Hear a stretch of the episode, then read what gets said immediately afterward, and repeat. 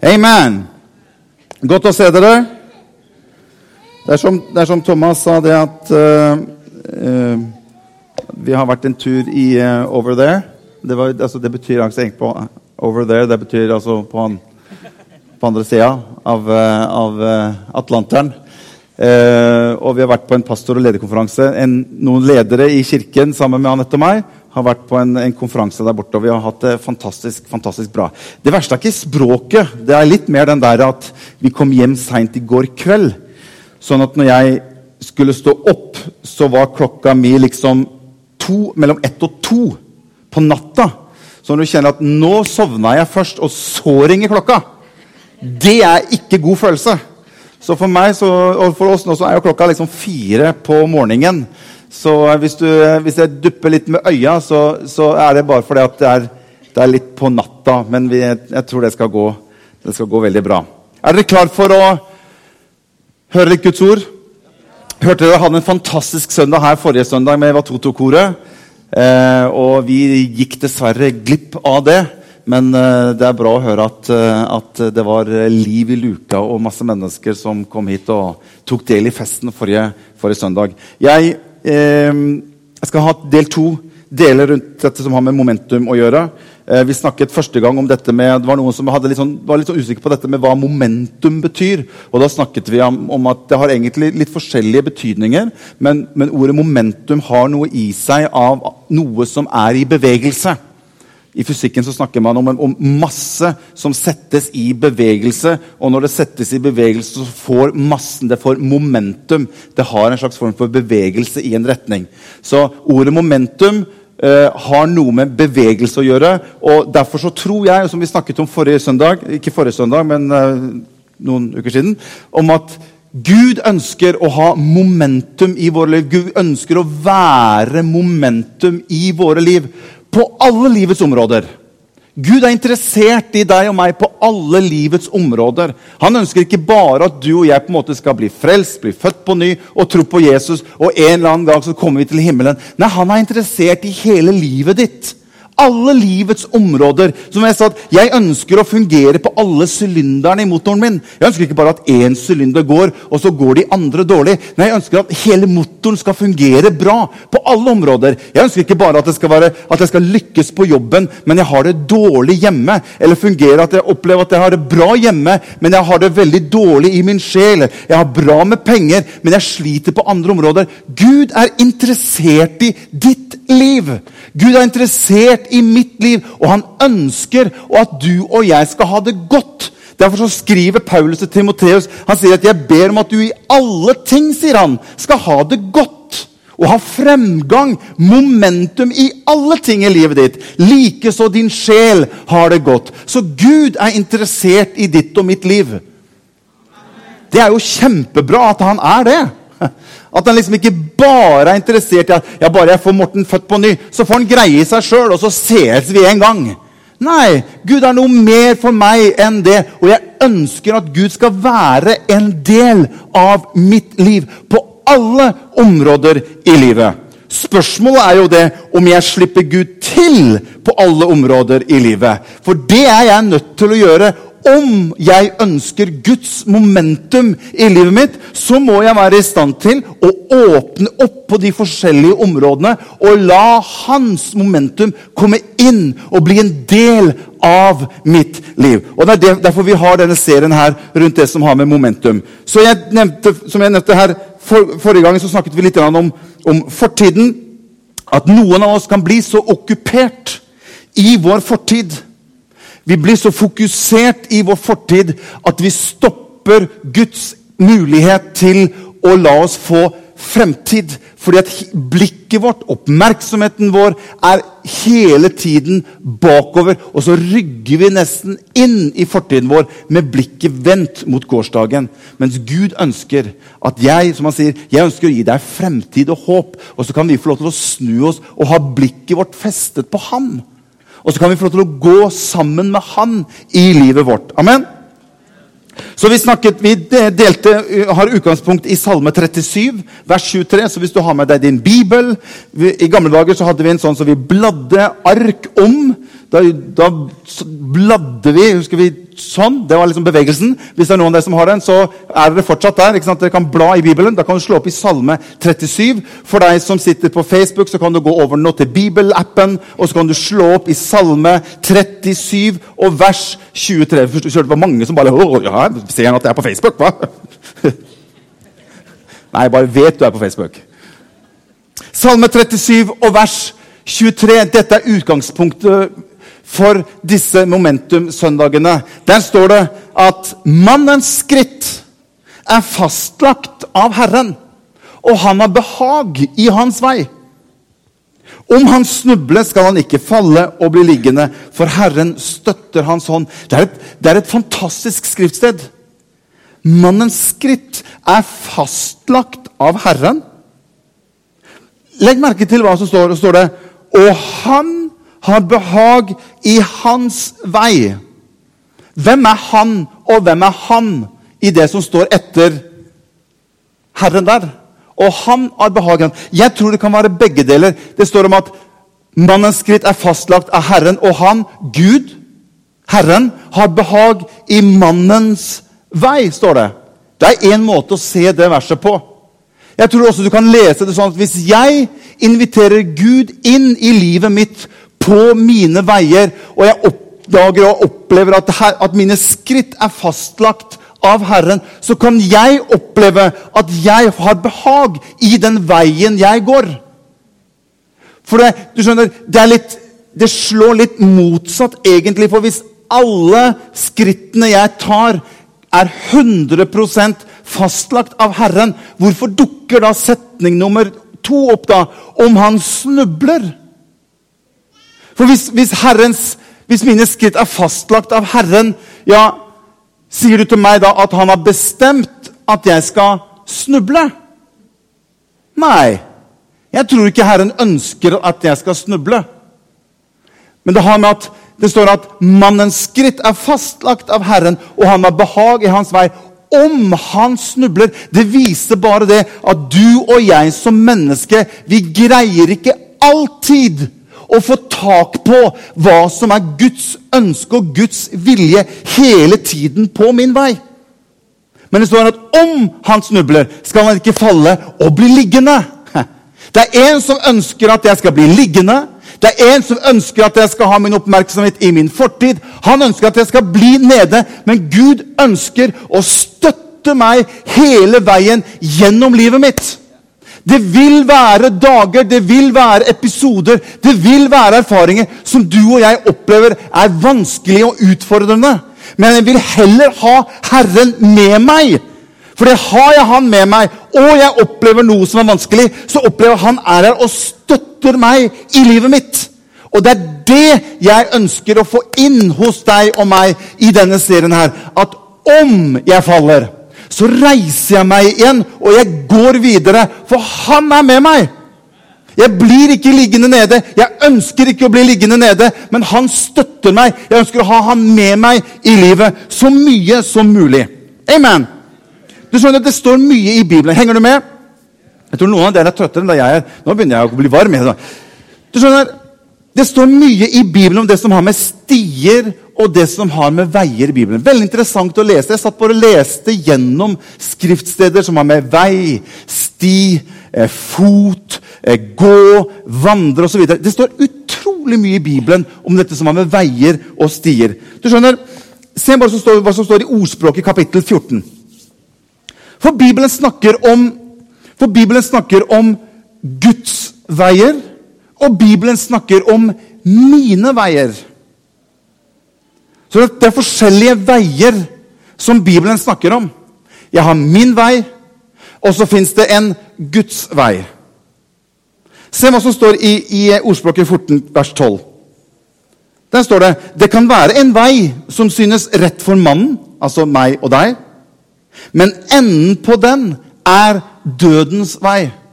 Så det kan være til og med at jeg kan gå på en vei i livet mitt. Jeg kan være i en situasjon, jeg kan, på, jeg kan ha en momentum i livet, jeg, jeg kan ha en retning i livet mitt som jeg kan oppfatte at ja, det er, dette er rett. Men så står det i skriften så står det, men enden på den er dødens vei, og mannen vet det ikke engang. Men han synes det er rett det han gjør. Hva er det som skjer? Jo, da tror jeg at det er mangel på å få Gud inn i livet sitt. Så han er en del av den veien jeg går på. Da kan du og jeg ende feil vei. Se hva som står videre i Salme 10 og vers 5. Der står det om Guds veier. Se hva som står om de. Det står at hans veier har alltid fremgang, står det.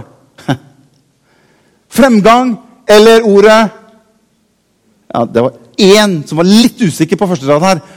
Fremgang eller ordet mm, jeg skal si, det, Svaret er momentum, hvis det var noen som uh, var litt usikker. Så tar vi det en gang til. Framgang eller momentum. Så det står altså hans veier har alltid momentum i seg. Han har alltid fremgang. Dine dommer er høyt der oppe, ute av syne for ham. Han bare fnyser mot alle sine fiender. Sånn at utfordringen for meg, det er jo på min vei få tak på Guds vei for min vei. Slik at jeg kan greie å synke hans vei inn i min vei, der jeg går. For jeg ønsker at hans vei skal bli min vei. Jeg ønsker at hans vei skal bli min vei. Amen. For da har jeg framgang på mye større bredde i mitt liv enn når jeg bare finner ut av ting selv. Og det er det som er utfordringen for deg og meg. Det er å greie å synke Guds vei inn i min vei. Se hva som står i 1. Samuel kapittel 18 og vers 14. Der står det David gikk klokt frem på alle sine veier, står det. Men så står det noe interessant nå. Og Herren var med ham. Hva hadde David gjort for noe? Jo, David han hadde en innstilling i sitt hjerte. Det er at Gud, jeg må ha deg inn i livet mitt på alle områder. Slik at der jeg går, Gud, kan jeg oppleve at du har fastlagt mine skritt. Jeg ønsker at når jeg beveger meg, når jeg tar valg i livet, når jeg skal gjøre noe, så ønsker jeg Gud at du skal være en del av det. Slik at jeg lykkes på den veien som jeg går. Gud, vær en del av mitt liv alle områder i livet mitt. Derfor står det at David hadde gikk klokt fram på alle sine veier, og Herren var med ham. Derfor sier David, 'Herre, ransak mitt hjerte', sier David. Han var såpass ærlig med seg selv at han noen ganger sier til Gud, 'Gud, ok, kan du ta en status quo-sjekk på livet mitt?' Sjekk, Gud, om jeg er på den rette vei, sier David. Hvor ofte gjør du og jeg det i livet vårt? Hvor ofte er du og jeg såpass ærlige at vi ber Gud Herre, ransak mitt hjerte. Og kjenn, se, er jeg på rett vei nå, Gud? I forhold til hva som er din vei for livet mitt. Det, det valget jeg skal gjøre her nå, Gud. Er det det jeg skal eller ikke skal? Ransak mitt hjerte, Gud, og kjenn. La meg få lov til å føle om det er rett vei jeg går på eller ikke. Tør vi det?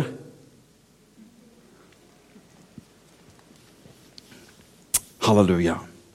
Jeg ønsker å gå på den veien. Og det livet jeg lever, så ønsker jeg å kjenne at Gud er med meg i livet mitt.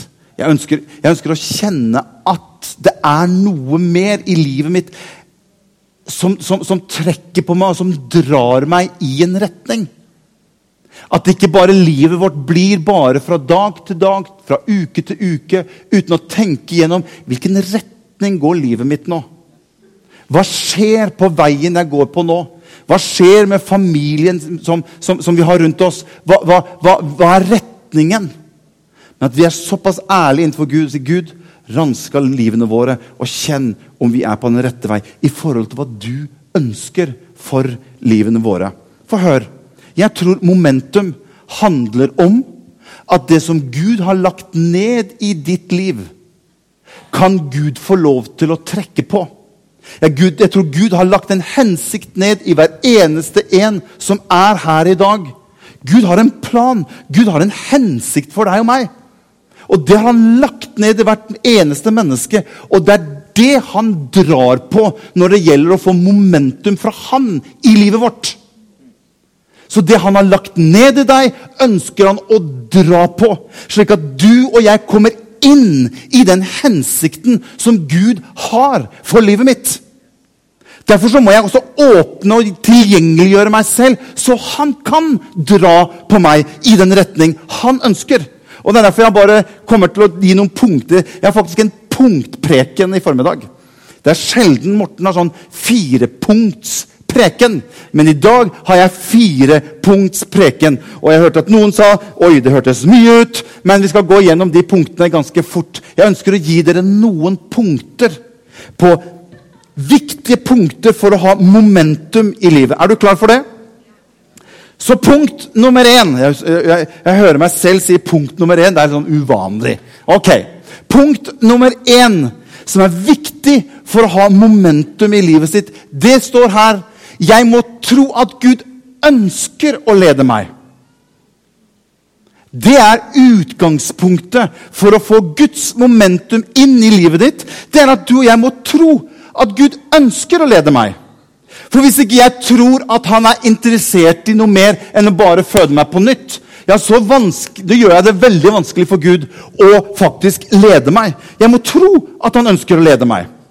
Det er et ganske, ganske enkelt punkt. Se hva som står i Efeserbrevet 2 og vers 10. Efeserne 2 og vers 10. Der står det For vi er Hans verk.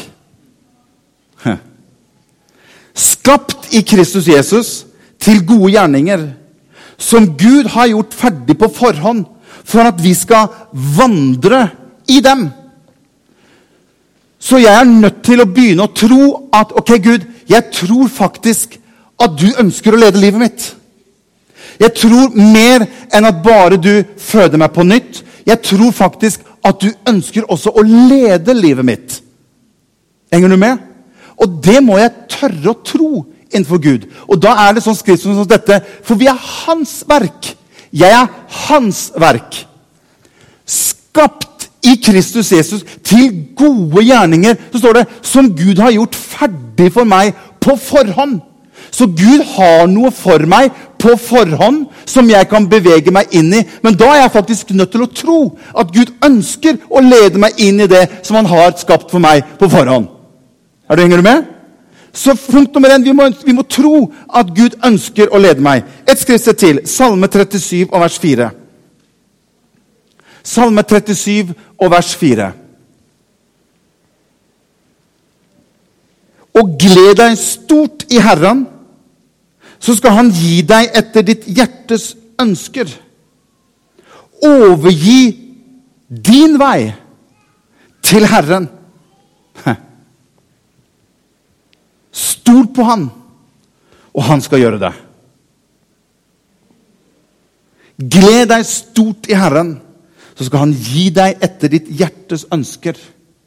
Overgi din vei til Herren, så skal han gjøre det. Ser du hva som skjer når jeg stoler på at han ønsker å lede meg, og jeg gir min vei over til han? Så tar han del i livet mitt. Og når jeg stoler på at han har noe for mitt liv, så begynner jeg å legge min tro over på at han ønsker å lede meg. Men skjønner, jeg er nødt til å gjøre det i mitt sinn, i mine tanker, i mine bønner, i mitt fokus, på alle områder i livet mitt, min, i min økonomi, i mitt ekteskap, overfor mine barn, i mine relasjoner osv. Videre, så, videre. så jeg er nødt til å begynne å tro at Gud ønsker å lede meg. Og han vil lede deg og meg. Punkt nummer to. Livet handler ikke om meg, men om Gud. Interessant punkt. Livet handler ikke om deg og meg, men livet handler om Gud. Det, det er ganske sånn derre Det er, er, egentlig sånn utsagn som blir sånn Ok, greit, ja, det er ikke mer å leve for enn det, nei. ok, så, så det, det, er der vi er, ja. Ja, ja, ok. Det er ikke veldig oppmuntrende. At det handler ikke om meg, Men det handler om han. Jeg trodde faktisk at det var meg. Nå har jeg tatt så mye selfies at nå skjønner jeg liksom at det er jo, det er jo meg det, det dreier seg om. Det var som Egil Svarte hadde sagt her i sommer om dette med selfie. Og, Jesus, og, så sa han at hvis Jesus hadde kommet inn i en av møtene våre, hva hadde du gjort? Så sier han jeg tipper at mange av dere hadde reist dere opp så hadde dere snudd ryggen til Jesus. Og så hadde dere tatt opp kameraet deres og så hadde dere tatt en selfie med Jesus i bakgrunnen. Noen ganger så kan vi bli så fokusert på oss selv så Gud kommer i bakgrunnen av livet vårt. Men skjønner, Livet handler ikke om deg og meg, men livet handler om Gud. Det er han alt. Derfor sier Paulus 'Jeg lever ikke lenger selv', sier han. 'Men Kristus lever i meg'. Og Det er det fokuset som Gud ønsker at du og jeg og mer og mer skal jobbe med. Det er noe som vi kommer til å jobbe med helt til vi er ferdig her på jorden. Men det er hans vei for deg og meg. Det er at jeg lever ikke lenger selv. Jeg lar Kristus få lov til å få mer og mer plass i livet mitt. Kristus tiltar, og jeg avtar. Amen? Så det handler ikke om meg, men det handler om Gud. Se hva som står i Jeremia kapittel 29 og vers 11. For sånn Dette har med tyngdepunktet i ditt og mitt liv å gjøre. Hvis jeg hvis jeg mener at livet handler om meg, så vil jeg ha tyngdepunktet på min side. Det som dreier seg om meg. Menighet dreier seg om meg. Gud, ja, det handler om meg, for han skal ta vare på meg. Han skal fikse meg. Kirken skal handle om meg. Ja, I dag var det ikke så god tale. I dag var Morten litt sliten. Han hadde jetlag og full pakke. Lovsangen var ja, det var sånn passe bra med lovsang i dag. Og jeg fikk ikke så bra sitteplass. Hvis det blir meg, meg, meg, og livet handler om meg, så blir jeg sittende nesten som på restaurant, og jeg bare driver og bestemmer bestiller ut ifra en meny fordi at det dreier seg om meg. Men hør, livet dreier seg ikke om deg og meg, men livet dreier seg om Han som har skapt deg og meg. Han dreier livet seg om. Og skjønner, Hvis du og jeg har fokus mot oss, så vil vi miste hans mulighet til å gjøre livet vårt fruktbart, gjøre livet vårt fremgangsrikt. For han ønsker å gi oss fremgang på alle våre veier i livet. Derfor så må vi flytte fokus fra å tro at livet dreier seg om meg, men at det dreier seg om Han som har skapt meg. Er dere med på galleriet? Amen. Bra. Ordspråket kapittel 3 og vers 5. Oi, oi, oi, oi. Nei, jeg har ikke lest Jeremia ennå. Har jeg? Nei. Da tar vi Jeremia 29, 11 først. Se hva som står der. Fantastisk, En av mine favorittvers. For jeg vet hvilke tanker jeg tenker om dere. Dette er Gud som tenker om livet vårt. Jeg vet hvilke tanker jeg tenker om dere. Tanker til fred og ikke til noe ondt. Jeg vil gi deg framtid og håp. Se hvordan, ser du hvordan Gud legger opp skriftet? Han sier, 'Jeg vet hvilke tanker jeg tenker for deg.' Jeg har noe for Jeg tenker framtid for deg. Jeg tenker godt for deg. Jeg tenker håp for deg. Vet du hva, I en annen oversatt står det at han, det står på slutten der, der hvor det står eh, framtid og håp. I en annen oversatt står det 'en forventet slutt'. står det. Så Gud har lagt opp en forventet slutt i forhold til hvordan han tenker ditt og mitt liv. Så han har et ønske, en plan, en hensikt for mitt liv. Hvordan han ser, hvordan han ønsker livet mitt skal ende ut. Har han det? Ja, han har det. Ja, Det hadde vært interessant å kunne fått sett den planen i detalj. Nei, jeg tror ikke du og jeg hadde ønsket å se alt det. Men det er derfor det står at den rettferdige han skal leve ved tro. Den rettferdige skal vandre sammen med Gud og invitere han inn i livet sitt. Slik at vi kan få lov til å få tak på de tankene han tenker. For det er mulig å få tak på det han tenker for mitt liv. For hvis han har en tenkt, forventet slutt for mitt liv, ja, da er jeg veldig nysgjerrig på hva er det du egentlig hadde tenkt meg til Gud. Og hør, det er aldri for sent i Guds rike. Noen av dere kan sitte og tenke ja, da, da, da er løpet kjørt for min del. For jeg har gjort sånn og sånn og sånn nå. Jeg har ikke vært så bra på det og det. Og jeg har vært med på sånn og sånn og sånn. Hør, det er aldri for sent for Gud å få deg og meg inn i sine tanker for våre liv. Og Der kan få høre et stort amen. Sånn er Gud. Han er god. Det er aldri, jeg har aldri hørt Gud si vet du hva, jeg tror faktisk for deg, så er løpet kjørt. Beklager, unge mann, men løpet er kjørt for din del. Jeg har ikke noe framtid, jeg har ikke noe tanke for deg mer. Du har, du har blåst alt bort. Nei, jeg vet hvilke tanker jeg har for deg. Mine tanker for deg, det er framtid og håp. Og hør, du, Hvis ikke du og jeg kan tenke framtid og håp, så er det fordi at vi ikke har fått tak på det Gud har for ditt og mitt liv. Derfor må jeg gå til Han og få tak på det. Herre, jeg ønsker å få tak på dine tanker, dine meninger, dine ønsker for mitt liv. Sånn at jeg kan få lov til å vandre og gå i det som du har for meg i mitt liv. Amen. Derfor står det i ordspråket kapittel 3 og vers 5. Halleluja. Glory, glory. Sett din lit til Herren av hele ditt hjerte. Eller med hele ditt liv. Ikke noen områder i livet. La hele ditt liv være gitt over til Herren. Ikke, ikke lukt noen rom i, i livet ditt. Ja, Gud, her kan du komme til, men app, app, app, her her tenker jeg vi Her, her har jeg min, min, min egen grei. Dette vil jeg gjerne ha litt kontroll over selv. Men det her, Gud, kjempeflott. Hjertelig velkommen. Supert. Ta deg til rette, sett deg ned, slapp av. Her, vi, her, her kan vi dele fellesskap. Men her, her, ønsker jeg helst å ha litt kontroll selv. skjønner du. Derfor så står det Sett din lit til Herren av hele ditt hjerte. Og stol ikke på din egen forstand. Du skjønner, Når jeg begynner å stole på min egen forstand, så begynner Guds veier og mine veier å komme i usynk. Men når jeg begynner å stole på Han av hele mitt hjerte, så begynner Hans veier å synkes inn på mine skritt. Da blir mine skritt fastlagt av Herren. Fordi jeg stoler på Han, og jeg stoler at Han er med meg i de skrittene jeg tar som menneske. Amen? Stol ikke på din egen forstand. Tenk på ham på alle dine veier. Så skal han lede dine stier rett. Vær ikke vis i dine egne øyne. Frykt Herren og vik fra det onde. Det skal bli til helse for ditt legeme og opplive dine bein. Se hva som er resultatet av å gi livet sitt helt til Gud. Se hva som skjer når du og jeg lar Gud få lov til å slippe til på alle arenaer i livene våre. Det er bare positivt! Det er bare positivt å gi Han hele ditt hjerte. Amen. Det er bare positivt at han kan få lov til å få hele ditt liv.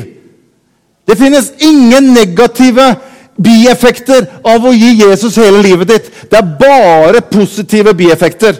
For her står det skal bli, det skal bli til helse for ditt legeme og opplive dine bein. Gi Herren ære med det du eier, og med førstegrøden av hele din avling. Så står det så skal dine lagerhus fylles til overflod. Og dine vinkar skal flyte over av most. Amen. Er det noe negativt å synke Guds veier inn på mine veier? Absolutt ikke. Punkt nummer tre. Dette går bra, Morten. Takk. Romerne kapittel 12 og vers 2. Punkt nummer tre. Jeg skal gi dere en, en nøkkel her som du må få med deg. Jeg trenger Guds ord. Dette er litt mer sånn undervisning i formiddag, men dere greier det? Midt i, i høstferien. Ikke sant? Dere greier litt av en undervisning. Punkt nummer tre. Jeg trenger Guds ord. I Romerbrevet kapittel 12 og vers 2 så står det et veldig viktig vers som jeg vil at dere skal få med dere. Der står det 'Bli ikke dannet lik denne verden'.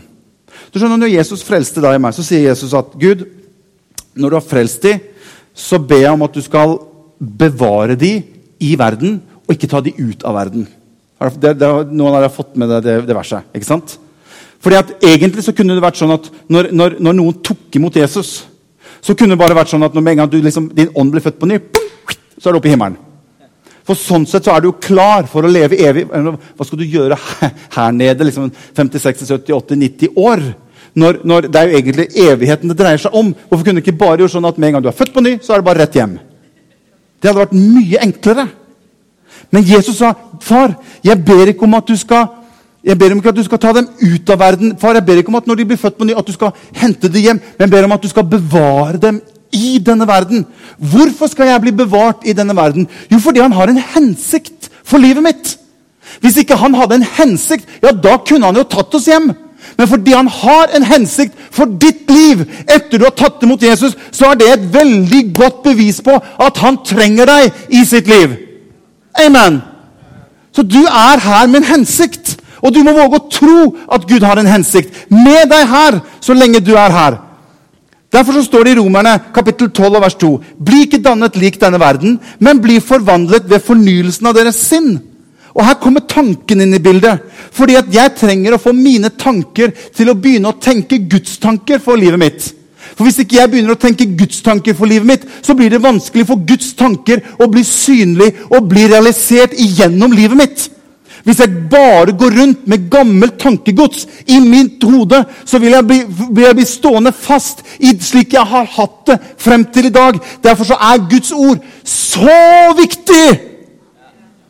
Slik at jeg kan begynne å dra inn av Guds ord, for da får jeg tak i hans tanker for mitt liv. Og hva skjer da? Jo, da begynner mitt sinn begynner å forvandle seg og begynne å tenke annerledes. Og da sier faktisk Paulus da sier han at når jeg kan få fornye tankene mine, da kan jeg begynne å skjønne hva som er Guds behagelige, Guds fullkomne og Guds tillatelige vilje for mitt liv. Ja, jeg vil bomme noen ganger. Det kan godt hende at jeg går litt slalåm noen år. Og, men, men, men, men jeg, så, så lenge jeg går, så ønsker jeg å få tak på Guds tanker. Derfor så bruker jeg tid sammen med Jesus. Jeg bruker tid i Guds ord. Jeg leser hva, hva er hans tanker. For Hvis du bare blar opp i Bibelen og leser et skriftsted én gang i uken, så har vi Gud en kjempejobb med å prøve å skulle få lov til å forvandle ditt og mitt sinn og mine tanker. Jeg kan bare si deg med en gang det vil nesten ikke gå i det hele tatt. Du og jeg, vi trenger mer enn som så. Jeg vil si daglig trenger jeg å, å, vite og kjenne hva som er Guds tanker inn i mitt liv. Det er da hans tanke kan begynne å forvandle noe på innsiden av meg, så dere kan prøve hva som er den gode og velbehagelige og fullkomne Guds vilje når jeg går mine skritt. Hans tanker begynner å bli mine tanker, og når jeg går mine skritt, så begynner jeg å velge ut ifra at hans tanker begynner å gjøre seg gjeldende i mitt sinn og i mitt hjerte. Dette er god forkynnelse. Dette er skikkelig råkost. Dette er bra, det. Amen. Jeg sa det slik at jeg skulle få en ordentlig klapp.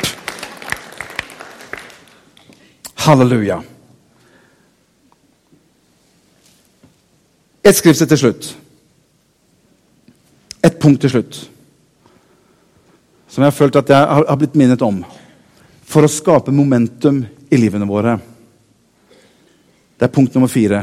Legg bort ting som lett henger seg fast ved oss.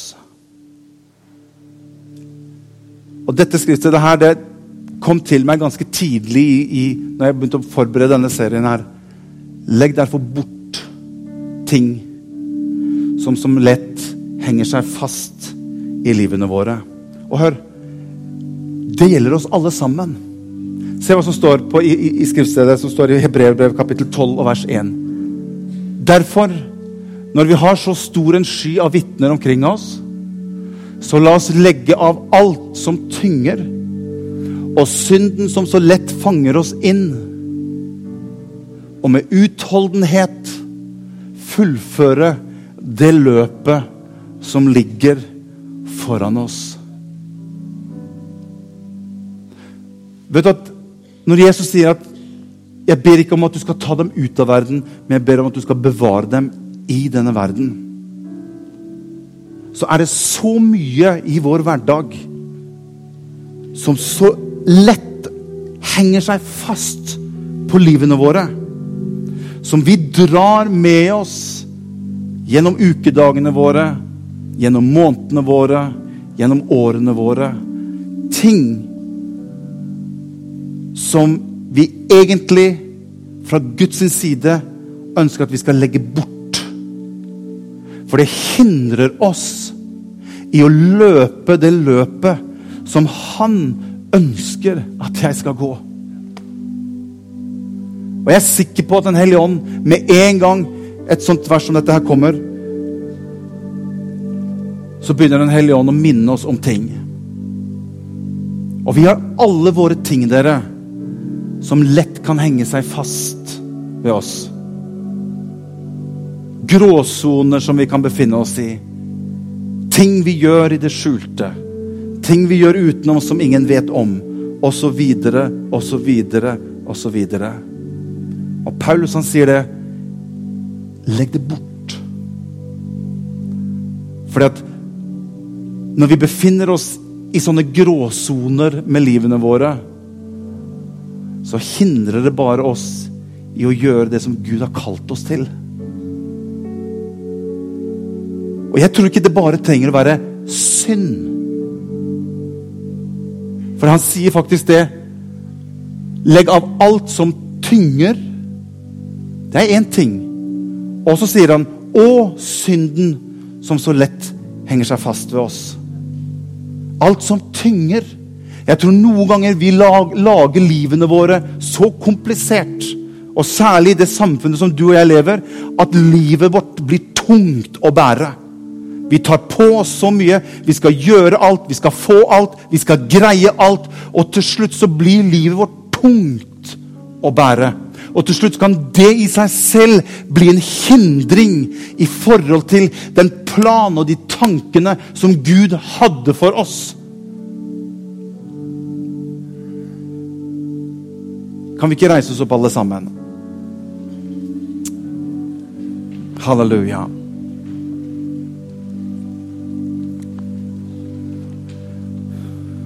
Jesus.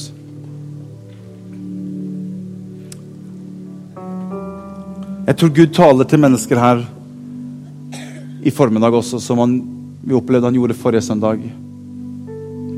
Om ting i livet vårt som Gud minner oss om. I ditt og mitt hjerte. Han sier, 'Vet du hva? Dette vil jeg at du skal legge bort.' Dette hindrer deg i å løpe det løpet som jeg har satt for deg. Gud har et løp for deg og meg. Ja, men Jeg trodde jeg bare skulle sitte stille og bare vente på at nei, Gud har et løp for deg og meg. Han har en hensikt, han har en vei, han har en tanke for ditt liv. Og han ønsker at du og jeg skal få lov til å løpe det løpet han har for deg og meg. Halleluja. Vi skal synge den sangen om igjen. 'Mercy is falling'. Og Jeg har lyst til å invitere mennesker i formiddag som kjenner at jeg ønsker å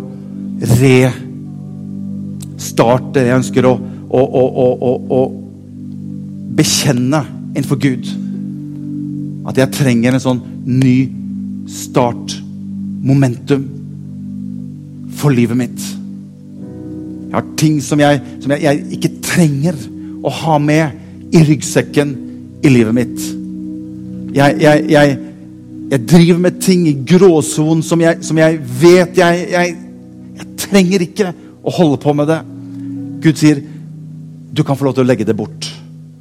Og så kan du få lov til å komme inn igjen på den stien, på den veien som jeg har for deg. Og så skal du få lov til å kjenne hvordan kraften ifra meg begynner å trykke på deg igjen. Hvordan mitt momentum begynner å bevege deg igjen, sier Herren. Jeg har noe for ditt liv. Kanskje noen her ønsker å si, Gud, jeg trenger hjelp inn i min datoplanlegger. For jeg, livet mitt nå er så tungt at jeg er redd for at det hindrer noe av ditt ønske, Gud, i forhold til hva du har på ditt hjerte, din plan i forhold til livet mitt. Halleluja. Så jeg har lyst til å invitere dere fram. Jeg skal be forbedre at dere kommer fram også av her. Hvis du sier, 'Herre, herre jeg trenger bare å bli bedt for. Jeg trenger bare å gi en sånn Yes, Gud. Jeg ønsker på nytt igjen å si, Herre, jeg ønsker å gå den veien som du har for meg. Jeg ønsker å fullføre det løpet som du har for meg. Jeg ønsker å få tak på de tankene som du har for mitt liv. Så jeg ønsker å invitere dere fram til å bli bedt for, og for å få noen til å bare være med og velsigne deg, slik at vi kjenner at Yes, Herre, vær med meg på den veien som jeg går. Vi synger litt sammen, og så kommer du i Jesu navn.